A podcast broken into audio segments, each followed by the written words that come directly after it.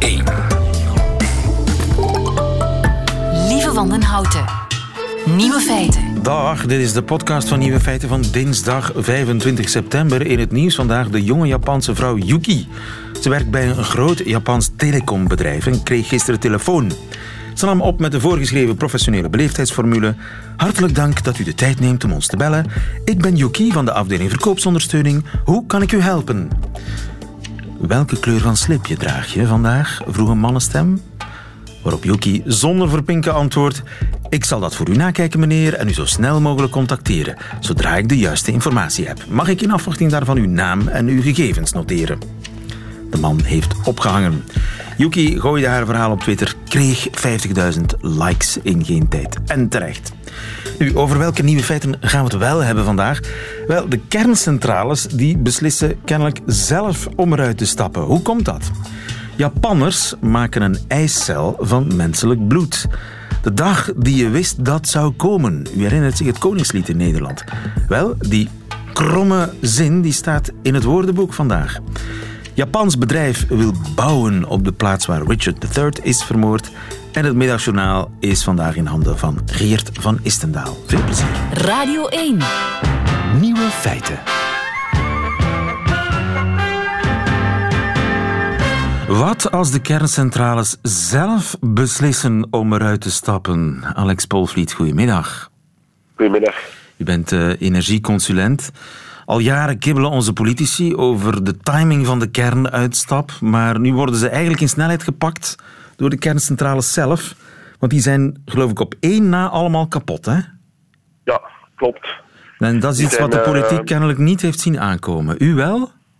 Wel, ik denk dat de hele sector dit zat, eh, zag eh, aankomen en al geruime tijd. Eh, het is natuurlijk zo, naarmate een, een centrale ouder wordt, gaat die steeds minder betrouwbaar worden, dus steeds minder gegarandeerd werken. Dat geldt voor een kerncentrale, net zoals dat, dat voor een wagen bijvoorbeeld ook geldt, of voor een stofzuiger of wat, whatever. Ja, maar nu staat één, eh, één kerncentrale nog eh, te werken. En hoeveel staan er in de garage, bij wijze van spreken? Wel, er zijn zeven kerncentrales, eh, waarvan er dus in november, om precies te zijn, slechts één zal werken. Op dit moment werken er nog twee. Ja, maar hoe kan dat nu? We betalen alsmaar meer voor elektriciteit, maar die elektriciteit wordt alsmaar minder zeker. Ja, eh, Waar gaat dat geld naartoe dan? Dat, dat heeft met verschillende factoren te maken. Eh, door de schaarste is eh, de, het evenwicht tussen vraag en aanbod natuurlijk helemaal zoek. Dus minder aanbod eh, en dezelfde vraag, dat resulteert in hogere prijzen. Eh, twee, eh, die eh, stroom die we nog nodig hebben, die wordt steeds meer dan gemaakt door gascentrales die aan een hogere kostprijs werken. Dus dat verklaart ook waarom dat die prijs eh, hoger wordt. En dan drie, en dat is een element dat in de hele discussie voorlopig eh, absoluut onderbelicht eh, is gebleven. En wat mij mateloos stoort, is dat we nu al eh, sinds 1 januari 2015 betalen voor een strategische reserve. En ook dit jaar nog trouwens. Maar die is er niet. Er is geen strategische reserve. Dus even, we, we voor betalen al drie jaar voor een reserve die er niet is. Ja, we betalen al vier, vier jaar eh, voor een reserve die er niet is. De voorbije drie jaar was die er wel, hè, en toen hadden we ze niet nodig. En deze winter eh, zullen we ze nodig hebben, eh, maar is ze niet beschikbaar. Dus, Maar betalen, hoezo betalen, hoeveel betalen, wie betalen? Wel, in totaal hebben we nu eh, voor ongeveer 187 miljoen met z'n allen betaald om die strategische reserve achter de hand te houden. Maar eh, mevrouw Margem, eh, minister van Energie, heeft begin september verklaard van oké, voor komende winter hebben we die strategische reserve niet nodig, dus gaan we die ook niet klaarhouden. Maar dus er Terwijl was wel een spaarpotje voorzien om, Ja. om, om die strategische reserve aan te leggen. Ja, u moet het als volgt eh, begrijpen. Eh, die strategische reserve bestaat eigenlijk uit gascentrales die niet meer gebruikt werden omdat ze te duur waren in gebruik. En bijgevolg werden ze ook niet meer onderhouden. Voor dat onderhoud eh, wordt dus betaald via een heffing op onze elektriciteitsfactuur, om die op die manier achter de hand te houden. Dat heeft men drie jaar lang gedaan, tot en met 2017. Dit jaar betalen we nog altijd die strategische reserve, maar heeft men beslist om ze niet meer achter de hand te houden. Dus niet meer te onderhouden en dus niet meer klaar te hebben eh, op het moment dat we ze nodig zouden Waar is dat geld naartoe? Dat is een eh, vraag die u en ik ons kunnen stellen, maar waar we het antwoord niet op weten. Ja. Hoe groot is de kans dat het licht uitgaat in november? Ik ben uh, heel pessimistisch wat dat betreft. Dus als je de theoretische optelsom maakt van alles wat we nog over hebben aan capaciteit, dan hebben we 1000 megawatt over. 1000 ten opzichte van 13.500 die we, die we nodig uh, hebben. Uh, als er dan nog iets misgaat met bijvoorbeeld uh, die laatste kerncentrale of een gascentrale of de importcapaciteiten om stroom te importeren vanuit het buitenland, die is niet helemaal beschikbaar omdat er geen overschotten zijn in het buitenland, dan hebben we echt een probleem en dan gaat het licht uit. Kun je daar een percentage op zetten hoe groot die kans is? Wel, ik schat die kans meer dan uh, 50 procent. Meer dan 50 procent? Ja. Dat in bepaalde gebieden gedurende een bepaalde tijd er geen stroom zal zijn? Ja, en dat zal dan uh, gebeuren op koude dagen tussen, laten we zeggen, half zes en half acht. Dat zijn de cruciale momenten, de cruciale piekmomenten. Tussen half zes en half acht als uh, de meeste mensen staan te koken? Ja, inderdaad. En dat is het net. Uh, op dat moment zijn er al heel veel mensen thuis en, en zetten inderdaad het elektrisch fornuis op en de verwarming en de televisie en noem maar op. Maar ondertussen zijn alle bedrijven ook nog aan het werk, ja. uh, voluit aan het produceren. En dus heb je op dat moment een zeer hoge vraag.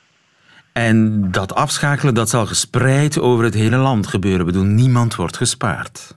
Uh, er, zijn, er is één zone, er is een, een bepaald gebied dat gespaard wordt, uh, om de logische reden dat daar ook nog elektriciteitsproductie is. En dus dat moet dat net natuurlijk beschikbaar blijven. Maar inderdaad, het grootste gedeelte van het land zal beurtelings zonder stroom gezet worden. Ja, en en dat, dat, die safe haven, zeg maar, waar, waar ligt dat? Uh, onder andere rond uh, de kerncentrales uh, van Doel ja. is zo'n gebied. Nu, ehm, wat moet er nu gebeuren? Hoe kunnen we dit nog, Wel, kunnen we dit nog vermijden? Ik denk dat er toch nog een aantal mogelijkheden zijn op die zeer korte termijn. Uh, dat, is, uh, of dat zijn volgende opties. Ik denk dat we toch nog kunnen ervoor zorgen dat de gascentrale van Vilvoorde, uh, die vroeger in de strategische reserve zat, dat die toch nog wordt klaargestoomd voor de winter. Dat zou een optie kunnen zijn. een tweede optie zou kunnen zijn dat er een, een stimulus komt vanuit de overheid naar bedrijven toe om tijdens die piekmomenten van, van half zes tot half acht uh, dat bedrijven dan minder zouden gaan verbruiken. Die stimulus die is er al voor de zeer grote industrie, maar dat moet misschien uitgebreid worden naar ook uh, KMO's en dergelijke. Ja, een stimulus, wat kan het dan zijn? Wilt u alstublieft uh, de machines even stopzetten? Ja, inderdaad. Dat, In ruil waarvoor? Dat. In ruil voor een lager tarief bijvoorbeeld. Ah. dat zal uiteraard opnieuw moeten betaald worden. Maar het is prutsen, hè? Het is prutsen. Uh, wat we hier vandaag meemaken is eigenlijk het failliet van ons Belgisch energiebeleid van de laatste jaren. Het is duidelijk dat uh, de keuze om die kernuitstap alsmaar uit te stellen, dat dat het probleem niet opgelost heeft, maar het probleem verergerd heeft. Dankjewel, Alex Polvliet. Goedemiddag. Graag gedaan. Nieuwe feiten. Zal ik ooit moeder kunnen worden? Wel, mijn kansen groeien, want in Japan hebben ze nu menselijke eicellen gefabriceerd met bloed. Petra de Sutter, goedemiddag. Goedemiddag, ja. Gynaecoloog en fertiliteitsexpert van het UZ in Gent. Wat hebben die Japanners gecontrefeid? Wat hebben ze klaargespeeld? Wel, ze zijn er voor het eerst in geslaagd om eigenlijk bij de mens te doen wat er al eerder bij de muis was gelukt, namelijk uit stamcellen in het laboratorium eicellen bekomen. Daar zijn wel uh, nogal wat stappen voor nodig en uh, een aantal stappen waarbij de mens vooralsnog uh, onmogelijk. En die, ja, die kaap hebben ze dan ook genomen. Dus we kunnen vanuit bloed kun je stamcellen afleiden. Dat kun je ook uit, uit andere lichaamcellen, een huidbiop bijvoorbeeld. Um, daar maak je stamcellen van. Dat zijn eigenlijk cellen die nog alle richtingen uit kunnen. Van die stamcellen maak je voorlopercellen, die dan uh, eicellen moeten worden. En die voorlopercellen, en dat is het geheim, moet je in contact brengen met andere cellen die normaal in een eierstok aanwezig zijn. Dat heeft men in dit geval gedaan met muizencellen uh, uit eierstokweefsel. en die zetten eigenlijk die voorlopercellen aan tot de vorming van eicellen. Dus men heeft in het laboratorium inderdaad eicellen bekomen, vertrekkend vanuit bloed via de techniek die ik net heb uitgelegd. Ja, ja. Dus het, is, het is een hele omweg van bloedcel naar stamcel. Een stamcel is, een soort, ja, is een soort basiscel die alles kan worden. Ja. En daar ga je dan eicellen van maken. Ik leg het heel rudimentair uit. Ja. maar het is met menselijk bloed wordt een menselijke eicel gemaakt. Daar komt het uiteindelijk op neer. Ja, en het interessante is natuurlijk dat die eicel dan het genetisch materiaal bevat van degene waarvan dat bloed afkomstig is. Dus zo kun je eigenlijk bij mensen die geen eicellen produceren, zelfs bij mannen, ja, want dat is wel opmerkelijk, men heeft ook man, mannelijke stamcellijnen daarvoor gebruikt, kun je cellen bekomen die er op dit moment, laat ons toch voorzichtig zijn, die zien eruit alsof ze uh, vroege eicellen zijn. En dus nu moet er nog heel veel werk gebeuren om te testen of dat... Uh, het is nog maar het uh, prototype. Ja, of dat veilig is, of dat efficiënt is. En we staan nog nergens wat betreft het klinisch gebruik, maar het is toch wel een belangrijke ja, stap die gezet is. Het is nog theorie. De praktijk zal nog moeten uitwijzen of het werkelijk kan. Maar ik moet de informatie dat ik als man een eicel zou kunnen fabriceren, die informatie, daar moet ik toch even bij gaan zitten. Ja, Want ja, in, theorie, in theorie zou ik zwanger kunnen worden van Theo Franken. Wel, dat laat ik aan, aan jouw fantasie over. Uh, maar je zou inderdaad bij een man eicellen kunnen bekomen die dan door zaadcellen uh, bevrucht worden. Dus homoseksuele voortplanting, genetisch eigen kind bij een homokoppel. Uh, we dachten al eerder dat het bij de muis ook wel mogelijk was. Dus als het ook bij de mens bevestigd wordt dat dat kan, dan opent dat inderdaad ja. wel, wel heel wat andere deuren. Ja, Theo Franken moet ook nog willen natuurlijk. Hè? En hij moet ook akkoord gaan, ja. nu, moeten we dat eigenlijk willen? Wel, er komen heel wat ethische vragen bij kijken. Uh, ten eerste rond de veiligheid, de efficiëntie. Ik bedoel, dat eerste kind is nog niet geboren en, en er zullen nog wel uh, heel veel experimenten voor nodig zijn. Maar ten tweede, eicellen maken in een laboratorium aan de hand van stamcellen uit bloed bijvoorbeeld. Dat betekent dat je op elke leeftijd uh, bij een vrouw eicellen kan bekomen. Dat de biologische klok, dat dat eigenlijk als begrip wegvalt. Want nu vriezen sommige vrouwen eicellen in om hun vruchtbaarheid te bewaren voor later. Dat zal niet meer nodig zijn. De menopauze kun je natuurlijk ook in vraag stellen. We hebben wel wetten die leeftijdsgrenzen regelen, maar als de biologie uh, ja, alles mogelijk maakt, dan zal daar nog heel veel ethisch debat uh, voor nodig zijn om te kijken hoe we daarmee omgaan. Los van het feit dat je eicellen bij mannen kunt gaan ja, ja. maken. Maar het zou dus kunnen dat, dat, dat een, een vrouw van zeg maar 57, die zegt van eigenlijk wil ik nog een kind. Ja. Dat, dat zou, dus, dus dan zou die eicel kunnen bij wijze van spreken gefabriceerd kunnen worden met haar eigen DNA-materiaal. Maar ja, dan heeft ze dan toch nog een draagmoeder nodig. Of, of... Nee, een vrouw van 57 kan natuurlijk nog perfect haar baarmoeder hebben. En er zijn vrouwen in de wereld die op die leeftijd met eiceldonatie zwanger ja. kunnen worden. Dat kan. Dus ja, op dat moment zal het met een eigen eicel kunnen, die je op die manier in het laboratorium bekomen. Maar je snapt meteen dat dat toch wel leeftijden zijn waar we inderdaad nogal wat maatschappelijk debat zullen moeten over hebben om ja. dat uh, te en, regelen. En, en denkt u dat dat kan? Dat, dat er een technische mogelijkheid is om dat allemaal te doen? Vrouwen van 60 die een kind krijgen, twee mannen die samen een kind maken met gemeenschappelijk DNA-materiaal. Stel, die techniek is allemaal voorhanden, dat, dat we... Uh, ja, ethisch zeggen, dit kan eigenlijk niet. Het is een beetje te veel God spelen, om een uh, beladen term te gebruiken. Dus doen we het niet. En we gaan ons daaraan houden. Er zal altijd toch wel één commercieel type ergens in een of ander uh, uithoek zijn die, die zegt, ja, maar ik doe het hoor, kom maar af. Ja, het zal, wereldwijd uh, zal het gebeuren. Hè. In welke landen, dat weet ik niet natuurlijk.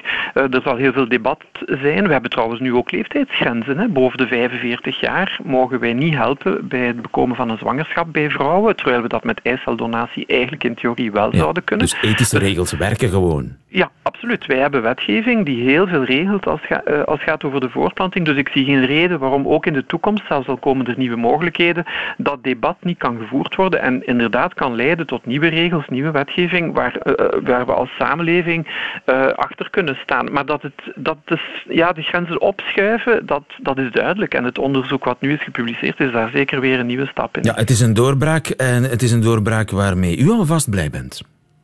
Um, ik, uh, ik ga het woord blij niet gebruiken. Ik, ik zeg altijd, er zijn heel veel toepassingen voor die nieuwe technologie die fantastisch zijn, waar we mensen mee kunnen helpen. Maar er zijn ook grenzen en nieuwe vragen die opduiken waar we met z'n allen goed moeten over nadenken. Dat is eerder mijn standpunt. Ja, elke, elke deur die open gaat, uh, doet er weer eentje dicht. Dankjewel Petra ja. de Zutter.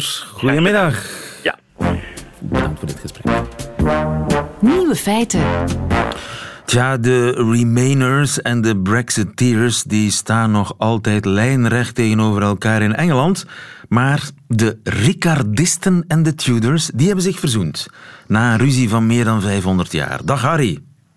Goedemorgen of goedemiddag, sorry. Uh, ja, Engelser dan dit wordt het niet, hè, Harry de Pape. Daarom kom ik bij jou. Jij als uh, auteur samen met Flip Feiten van een boek over Englishness.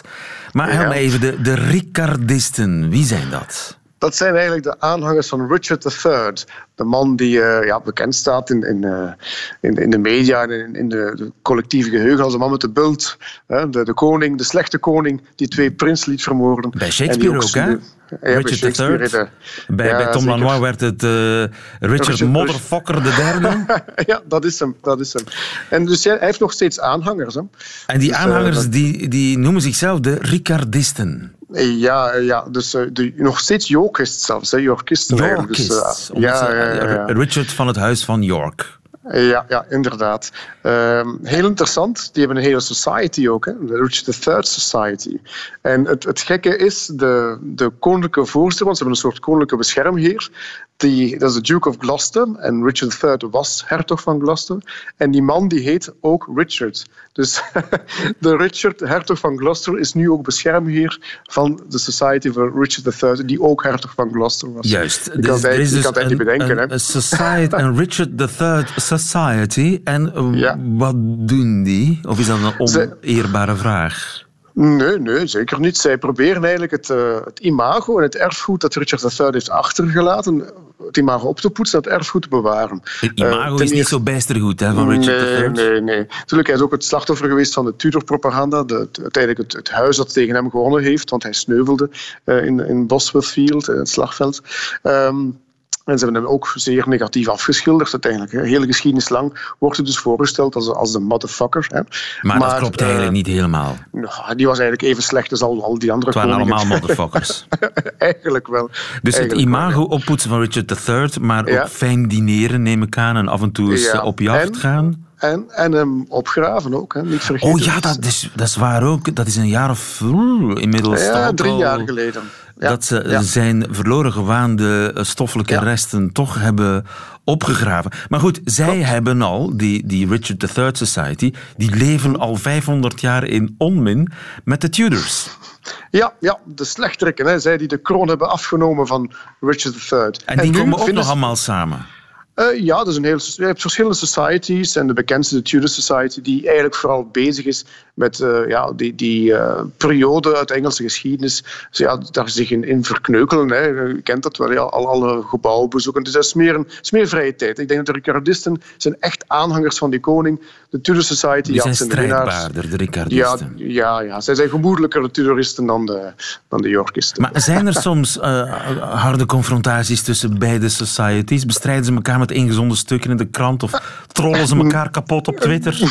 Nee, nee. Ik denk het enige gewelddadige dat ze nog uitspoken is elk jaar op het slagveld van Bosworth wordt nog eens uitgebeeld hoe die slag verlopen is. En dan gaan, dat ze, dan gaan ze echt ja. vechten ook? Uh, ja, degene die eraan meedoen toch, hè, ja. En, en dat, is, dat was geloof ik uh, het laatste slagveld van de Rozenoorlogen, hè? Ja, klopt. Ja. En ja, daar is Richard III uh, gesneuveld, ja. ja, vermoord als, als door... laatste koning in Engeland. Hè. De laatste koning ooit gesneuveld op Engelse grond was Richard III. Hè. Ja, en sindsdien dus... zinnen zij op wraak. Maar het hm? nieuws is nu hm? dat die twee partijen van de Rozenoorlogen, zeg maar, die nog steeds ja. bestaan, dat die vrede hebben gesloten. Ja, en dat komt door een uh, Japanse indringer dan nog.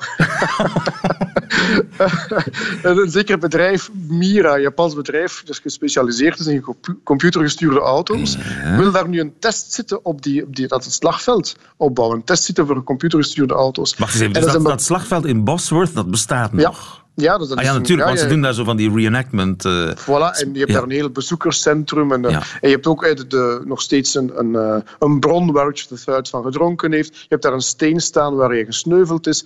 je hebt daar ook de plaats waar Henry VII de kroon heeft opgeraapt en zichzelf gekroond heeft. Ja. Dat kan je wel gaan bekijken. Hè. Dat is nog een hele ja, commemorative site. Hè. maar nu komt dat Japans bedrijf met het plan om daar dus een groot bedrijf op te richten voor computergestuurde auto's. Hè. Want Engeland met de Zelfri zelfrijdende auto's, een soort testcircuit.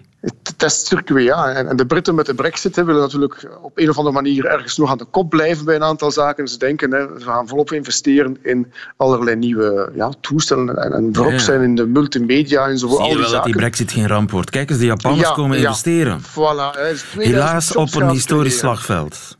Ja, en dat is inderdaad helaas. En dan nog niet zomaar een bepaald deel van het slagveld. Het deel dat, dat ze gaan bouwen is het stukje waar Henry Tudor zijn troepen ontplooid heeft. Nu, dat klinkt voor ons misschien banaal, maar voor heel veel mensen, aanhangers, is dat een, ja, een belangrijke plaats. Want daar is uh, Henry, ja, heeft hij zijn kroon beginnen veroveren. Dus uh, nog op dat stuk en op nog 500 meter van de plaats waar Richard III gesneuveld is. Ja, dat wij kunnen ons bij. als, als Belgen nauwelijks voorstellen wat dat betekent. Hè. Uh, ja, ja, dat is geschiedenis, zo, ja. traditie. In Engeland is dat ja, meer dan heilig. Hè? Nee, klopt. Hè. Een mooi voorbeeld voorbije zomer heeft men nog een hele, ja, een hele dienst gehouden op dat slagveld om de, de, de gesneuvelden te herdenken. Dat heeft daar plaatsgevonden. Hè? En dat was toen het nieuws nog niet bekend was. Het nieuws is echt pas bekendgemaakt, dat wil ook wel wat zeggen, na 22 augustus. Dus na de herdenking van die slag heeft men dat nieuws bekendgemaakt. En dan zijn dus de twee vijanden van weleer zich gaan verenigen tegen uh, dat bedrijf. En ze willen dat dus tegenhouden. Ze gaan dat uh, proberen tegenhouden. Vanavond is een belangrijk moment, ja, geloof ik. Hè? Want wat gebeurt er ja. vanavond? Ja, wel, dan komt uh, Hinkley uh, en Bosworth Borough Council, dus eigenlijk ja, een soort van gemeenteraad samen. En dan kan uh, kan men bezwaren indienen. En de, de, mensen die bezwaar hebben, hebben drie minuten spreekrecht. En men gaat dat proberen te gebruiken natuurlijk. Trouwens ook interessant, in het Lagerhuis, het parlement, is al een, parlement, is al een parlementsvraag geweest. geweest hè. Dus begin september heeft lokale parlementslid vragen gesteld in de Kamer over is het wel uh, een goed idee dat we daar een bedrijf oprichten. Dus die man heeft gepleit voor het behoud van het slagveld. Ja, maar in ieder geval, het grote nieuws is al dat de Ricardisten en de Tudors de handen in elkaar slaan in de strijd mm -hmm. tegen het testcircuit, het Japanse testcircuit voor zelfrijdende auto's, dat wel, wellicht heel goed is voor de economie en de werkgelegenheid daar. Maar ja. veel minder voor het historisch erfgoed. Economie versus erfgoed. Ik ben benieuwd wie het zal halen. Dankjewel, Harry de Pape. Goedemiddag. Ja, graag gedaan. Dag. Nieuwe feiten. Ja, wat hebben we gelachen hè, toen? Een jaar of vijf geleden met de Nederlanders. Daar is het dan. De dag die je wist dat zou komen, is eindelijk hier. De dag die je wist dat zou komen, is eindelijk hier. Het grote koningslied gemaakt ter ere van de troonsbestijging van de nieuwe koning Willem-Alexander. En dat lied, dat leek wel geschreven door een debiel. Meteen kon je ook t-shirts kopen met daarop uh, de t-shirt die je wist dat zou komen, is eindelijk hier. En niet alleen dat, er kwamen ook online petities tegen het lied. Rob de Nijs die weigerde mee te zingen. Diverse koren belden af. En kijk, vandaag is het eerherstel dat je wist dat zou komen eindelijk hier. Want de gevraagde zin, die staat in Vandalen. Goedemiddag, Tom Denboon. Goedemiddag. Hoofdredacteur van de Dikke Vandalen. Is het een staande uitdrukking geworden? Ja, zeker. Uh, de dag die je wist zou, uh, die, uh, die zou komen, dat staat inderdaad voor de lang verwachte dag.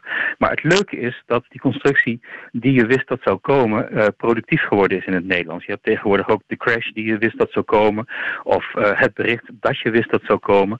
En het gaat er vooral om dat dus die constructie productief geworden is in het Nederlands. En daarom is het de dag die je wist dat zou komen in het woordenboek opgenomen. Ja, het is een epidemie geworden als het ware.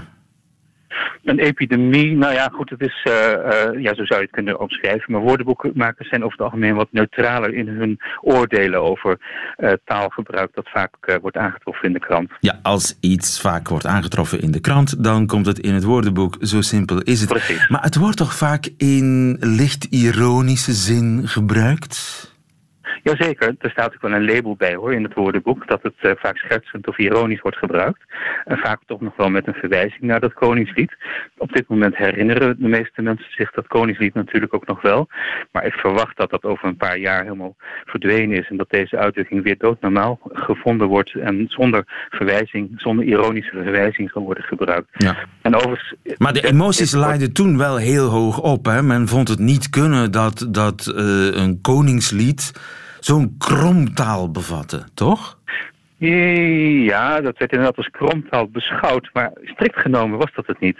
De zin is namelijk uh, grammaticaal te ontleden, uh, waarbij je kunt zeggen dat de dag uh, naar voren gehaald is uit de bijzin um, die je wist dat zou komen.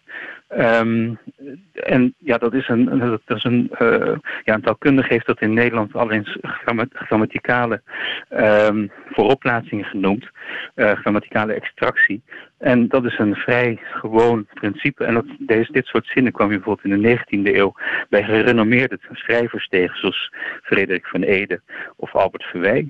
Die schreef ook de dag die je wist dat zou komen. nou, dat niet precies, maar wel vergelijkbare constructies.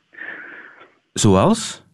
De clausule die ik vermoedde dat er zou zijn, zoiets bijvoorbeeld. Ja. Dit soort constructies was in de 19e eeuw echt uh, vrij normaal. Dingen die ik wist dat anderen het leven zouden kosten.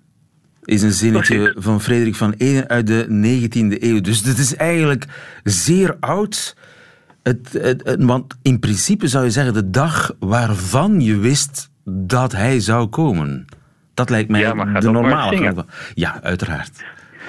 Dus absoluut eerherstel voor de schrijvers. Uh, wie was het alweer? John Eubank, geloof ik, hè? Ja, die heeft het samengesteld. Ik weet niet of deze zin precies van hem afkomstig is, want mensen konden destijds zinnen insturen.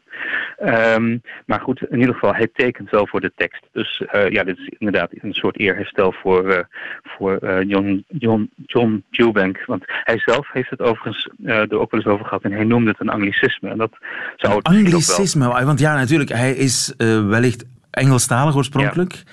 En the day you know that could come of something like that. dat, ja. dat de, dus het, het, was, het leek een beetje letterlijk uit het uh, Engels vertaald. En misschien was het dat ook. Maar zonder het zelf te beseffen, uh, deed hij het zoals Frederik van Eden het deed in de 19e eeuw. John Eubank. En ja, dat komt nu in het, uh, in het woordenboek. Waarvoor natuurlijk van harte gefeliciteerd aan de bedenkers van het Koningslied. Is het de eerste keer dat een liedje, een populair liedje, ja, een uitdrukking in het woordenboek kan knallen? Nee hoor, uh, Henk Wijngaard heeft er bijvoorbeeld ook al voor gezorgd dat met de vlam in de pijp in het woordenboek uh, komt, uh, is gekomen, maar ook stoont als een garnaal. Hè. Die vergelijking van coat en bie staat natuurlijk ook gewoon in het woordenboek. En zelfs een woord als wat gebeurt van de jeugd van tegenwoordig Nederlandse band staat in het woordenboek. langs het tuinpad van mijn vader van Wim Sonneveld. Dat is ook zo'n uitdrukking die gebruikt wordt in verband met sentimentaliteit en nostalgie, die ook in het woordenboek is terechtgekomen. Dus het woordenboek is er uh, snel bij tegenwoordig. Waarvoor dank, dankjewel. Tom den Boon, goedemiddag. Langs het tuinpad van mijn vader. Laten we doorgaan. Laten we doorgaan. Tot wat gaat je zijn? Met de vlam in pijp scheur ik door de Brennerpas. Tot aan het gaatje met de vlam in de pijp. Het zijn uh, allemaal Nederlandse liedjes. Hè? Het is nu toch uh, wachten op eerherstel voor Marva ook. Hè?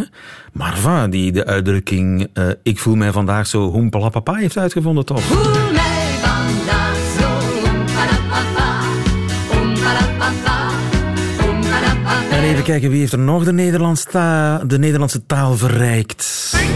Mijn gaat niet te dik in deze rok? Vinden jij mijn gat niet te dik in deze rok is toch een staande uitdrukking geworden. Moet dringend in het woordenboek. Waar blijven de Vlaamse liedjes? Moet dit er niet in ook? Alleen Elvis blijft bestaan. Alleen Elvis blijft bestaan. Eh, warme oproep voel ik opkomen aan het adres van de samenstellers van uh, Vandalen Woordenboek.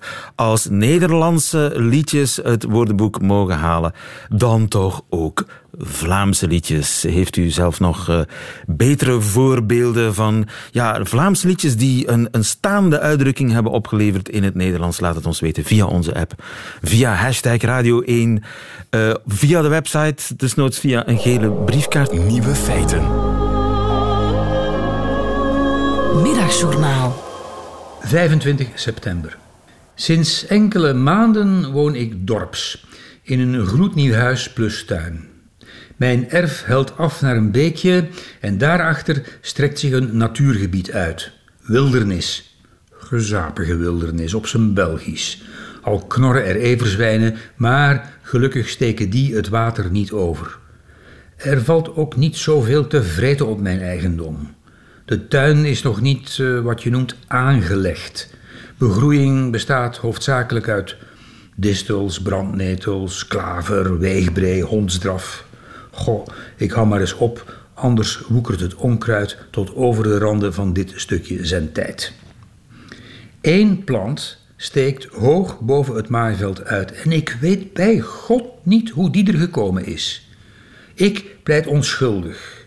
Dat is wel nodig, want de struik, nee, zeg maar miniatuurboompje, is van blad tot zaad tot wortel dodelijk giftig. Doornappel heet het ding. Ik heb het opgezocht en als je de vruchten bekijkt, snap je meteen waarom. Tik tegen zo'n stekelig appeltje met een stokje, vooral niet aanraken met de blote hand, en je hoort heel zachtjes een rammelend geluidje.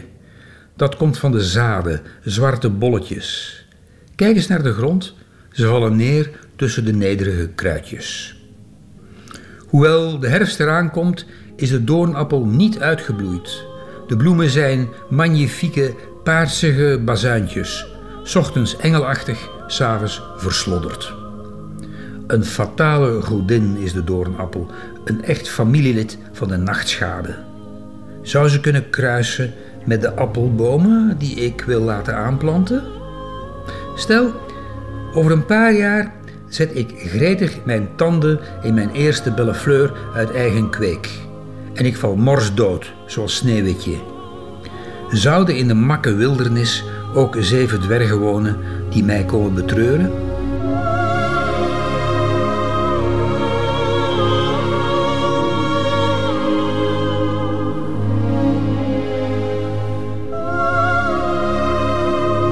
Geert van Istendaal ontdekt het zoete landleven in zijn middagjournaal. Meteen het einde van deze podcast, maar u vindt er nog veel meer op radio1.be en op de gebruikelijke podcastkanalen. Tot volgende keer.